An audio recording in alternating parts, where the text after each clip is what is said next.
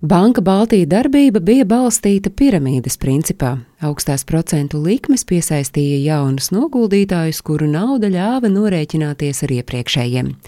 Iespēja nopelnīt dažos mēnešos no depozīta 80% un pat 90% tolaik vilināja daudzus, un rezultātā teju katrs otrais Latvijas noguldītājs izņēma ietaupījumus no konservatīvākām bankām un pārvietoja uz progresīvo un pelnošo banku Baltiju. Banka Baltija bija viena no bankām, kas ļoti ātri attīstījās laika posmā no 1993. līdz 94. gadam. Sākotnēji tā darbība uzsāka visai pieticīgi, taču vēlāk ievērojami auga gan tās aktīvi, gan filiāļu skaits. Tās aktīvi pieauga no 25 miljoniem ASV dolāru 1993. gada janvārī līdz 242 miljoniem dolāru 1994. gada janvārī. Bet vēl gadu vēlāk, 1995. gada sākumā, tā sasniedz jau 500 miljonus ASV dolāru.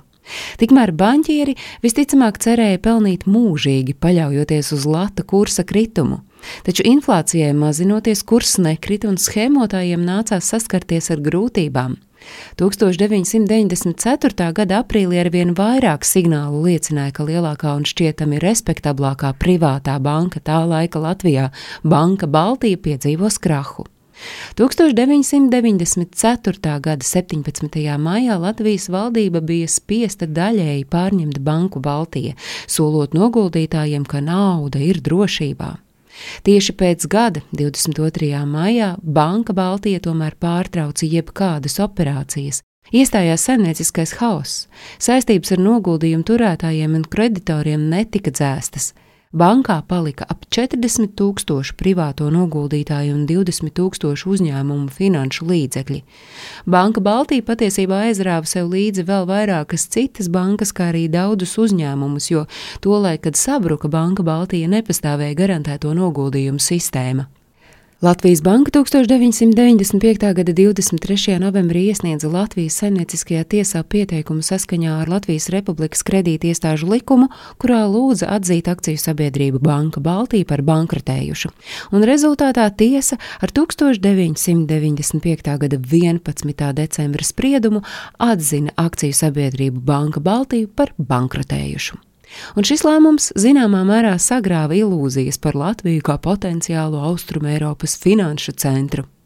Izmeklēšanas komisija pēc bankas sabrukuma atzina, ka tiešais bankas Baltija bankrota cēlonis bija bankas akcionāru un vadītāju ilgstoša un sistemātiska pretlikumīga rīcība, kā arī neprofesionāla bankas lietu izlemšana. 2007. gadā Latvijas augstākā tiesa piesprieda bijušiem bankas Baltija padomas priekšsēdētājam Aleksandram Laventam un bankas prezidentam Tālim Freimanim septiņu un piecu gadu cietumsodu, kas stājās spēkā 2009. gadā. Nepietiekama komercbanku uzraudzība tika pārmesta arī Latvijas bankai.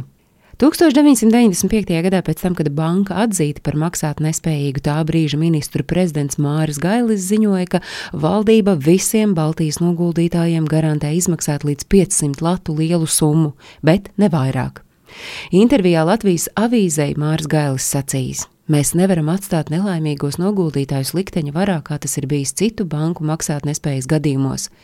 Toreiz gan arī Gaļa valdībai pārmeta, ka banka Baltija glābta uz nodokļu maksātāju rēķina. Bankas likvidācija gan pabeigta vien 23 gadu pēc tās kraha, un pēc likvidātoru ziņām Banka Baltija likvidācijas beigās neatmaksāti palika 193 miljoni latu jeb 274 miljoni eiro. Stāstīja Agnese Drunka.